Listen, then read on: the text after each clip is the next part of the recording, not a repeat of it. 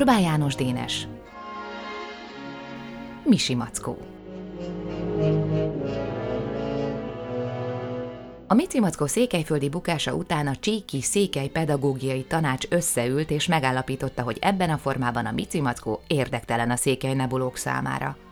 Nem az ő nyelvükön íródott, és ráadásul nem hordozza azokat a morális tanulságokat, melyeket a székely gyermek fejébe kell ültetni, hogy tovább vigye a hírhet ősi virtust. Változtatni kell, döntötték el a pedagógusok, és a munkát Málna András Alajos Csíkszent Gölöncséri tanítómesterre bízták. Málna András Alajos mindenek előtt Misi Mackóra változtatta a mű címét, mivel a Mici Mackót túl buzisnak találta. Utána lerövidítette és átdolgozta, mert minek annyit lacafacázni, mikor egyszerűbben és célra törőbben is lehet.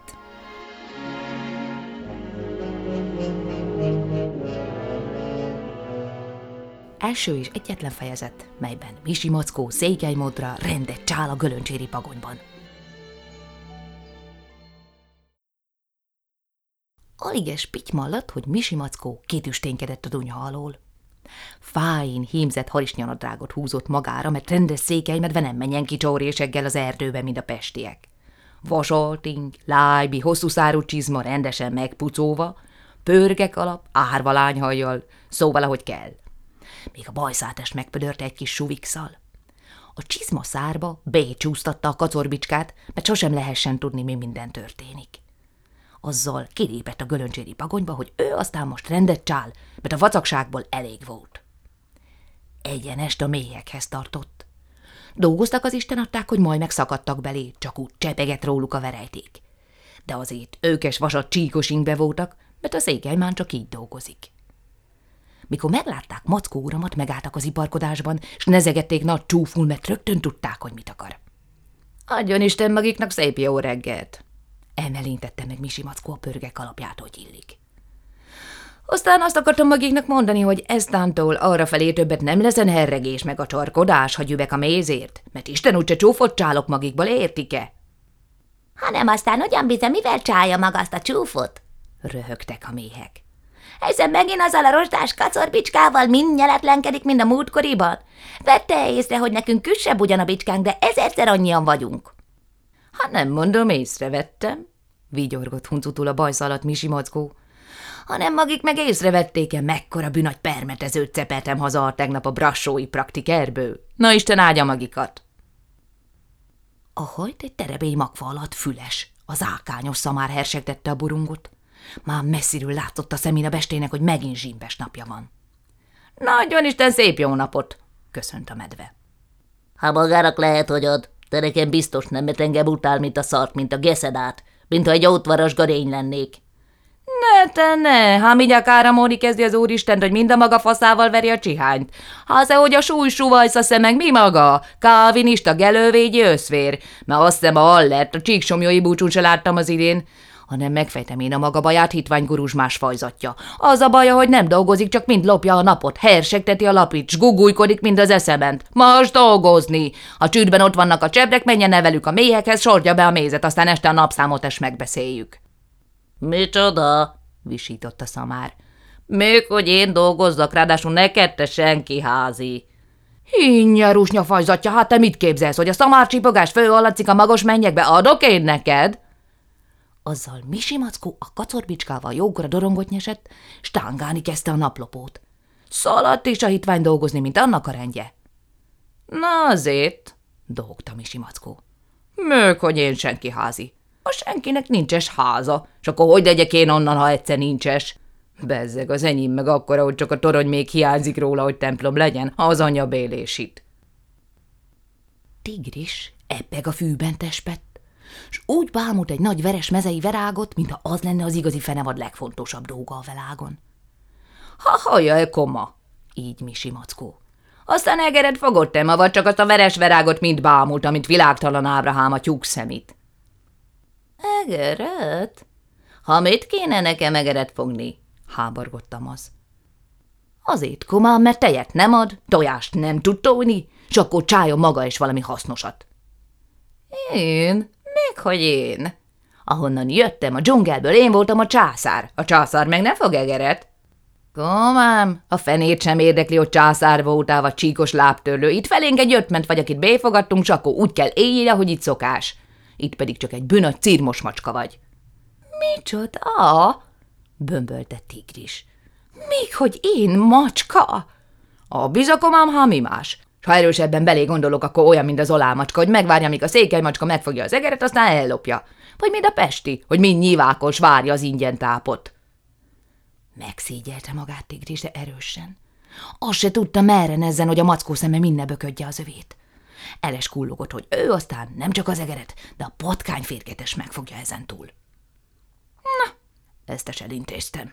Bőcselkedett Misi mackó, és azzal ment tovább, egészen bagolyhoz. Mondtam már kamám, hogy azokat a fránya deákbötüket szedd már le, és faragd újra rovásírással, ahogy kell, illedelmesen, hogy kapaktas az anyád mindenit, és előre meg azt mondom, hogy nem intúrál idegen szavakkal, mert Isten bizony hezzád leszek, akármilyen jó komám vagy es, állított B. Nyugodj le, komám, csitítgatta Bagoly, aki tudta, hogy haragos székely medvével acsorogni nem tanácsos. Ígyunk inkább egy csepp jóféle szilvapálinkát. Nem bánom, enyhült meg a bundás. No, szedegett tékes B felé az oroszhegyi házi szőttest, és osztották a velák dolgait. Bagolynak akkora gülüzemei lettek, hogy már mindjárt csak két nagy szem volt, de Mackó uramétes elöntötte a dühű, és úgy forgott, mint erős mozsibicskája az olávak belibe. Aztán lesz itt rend. Elég volt a dögségből, az ákányból, a csemerségből. A mélyeket, a szamarat meg azt a rusnya tepelák macskát már móresre tanítottam. Nyuszékból olyan paprikást rittyentek, hogy Szent Péter is békunyarálja magát ebédre. Ha mit képzelnek, hogy csak úgy szögdösnek, beregnek, s eszik hiába az Isten füvit? Az anyjuk. Malackából is az lesz, amire az Úristen szánta. Füstölt kóbász, tepertyű meg abátszalonna. Na de kamám, mondotta Bagoly. ha már ilyen szépen elrendezted a dolgokat, arra gondoltál, hogy az életedet a selkére, és hogy egyszer fehér népes kellene a házba? Azt a komám, hogy neked milyen igazad van? De nem erős tudok erre felé fáin eladó cinkát. Hát, azt a én se tudok, de ott van kangasszonyság. Elvárt asszony ugyan, skőkes van, de rendes, dolgos, tisztességes fehér nép. Bizony, hogy drága komám. Arról aztán senki nem mutatja, hogy nem egy tűzről pattant jószág, mert még most is csak úgy pattog, ahogy halad. S a gyerekes formás. Csak egy cseppet mutulj, meg sokat nyeretlenkedik, de majd én meghugyuruzom a magyarófa veszővel. Na komám, megyekes, mert beültetted a szerelem kukacát a fejembe. Nagy pukét a virággal állított be Misi Mackó a kéngurúhoz. Kezdj itt csókolom, drága asszonyság! Isten hozta Misi Mackó, mi járatban erre felé? Nézze, nagysága! Én egyenes medve vagyok, nem minteket óriázok, hanem megaszondom magának a nagy igazságot a szemébe. Úgy szép az élet, mint a harisnyanadrág szára, párosan. Két bicskával is jobban meg lehet kergetni az olát, mint egyel, és egy jóféle vacsora után monyókálás nélkül elszonyadni, szomorúságos, s magamat küpülni bizony restellem, s a szentírás sem helyesli. Az irányba vonik itt, hogy legyen izibe az én hites drága feleségem. Azt a, de eleresztettek ilyen a gyeplőt, Mackó uram! Pattant fel Kanga asszony. Hát mit, mit képzel? Hogy elvált fehér nép mindenre kapható? Hogy csak úgy beállít ide egy pokétával, morog néhány mézes szót, már is kiköpülöm a lőcsit, és aztán kimosom a szaros gatyáját? Szülök magának egy szekérderék medvét erszénnyel, hogy legyen mibe vigyék a mézes bödönt az óvodába? Hűnj, a ribanc mindenedet, de felvágták a nyelvedet, turálta fel magát Misi Mackó. Ahelyett, hogy örülné, hogy ilyen derék kérőd akad azután, hogy kajtár volt a likad, csak akkor vérezed esze a lepedőt, ha megnyisztented a beretvával a peckedet. Hát tudod mit? Akkor vegyen el téged az a zsémbes szamár, ugri-bugri együtt a naplopó macskával, vagy pislogjon ki az a rustya vén bagoly a bugyellárisodból a gülüszemivel, mert én innen úgy elmegyek, hogy többet nem látsz. Azzal indult eskével a nagy dolgva, de Kanga asszony elébe került. Na jó, na, csacsi öreg medvém, nem mind Bertóz itten nekem, mert csak berzgettelek egy cseppet, hogy nehogy azt mind higgyed, hogy olyan könnyen adom a bugyellárisomat. Hát hogy ne lennék a hites feleséged már hónapes, ha olyan erősen akarod? Lett erős nagy ölelkezés, csaukolózás, és Isten biza még monyokolásas lett volna a dologból, ha bé nem állít Sebi baba. Már pedig székely a gyermeke előtt nem csája, úgyhogy Misi Mackó uram aztán nagy boldogan hazaballagott. Édesen elaludt, s csak úgy csepegett a nyála szája széliről, mikor azt álmodta, hogy kangasszony ledobja a karincáját, hogy reja a meredő lőcsire. Kangasszony pattantes, s há, uram, há, Nem felrángatta az édes álmából medvénket az a fránya Robert Gida. Misi mackó, mi történt itt? Nem ismerek rá a pagonyra. Hogy mi történt? ordította Misi mackó. Az történt, te hitván mucskos kölök, hogy végre rendet csináltam a szobádba, és ha ez nem marad így, akkor úgy megsiríttelek egy törpefenyővel, hogy egy hétig állva iszod a bihaltejet, érted de? Értettétek, büdös kölkök? Rend legyen aztán, ahogy kell, nem ám úgy, hogy ahogy nőttök egyre kevesebb örömünket lejük bennetek, mint az anyátok picsájába.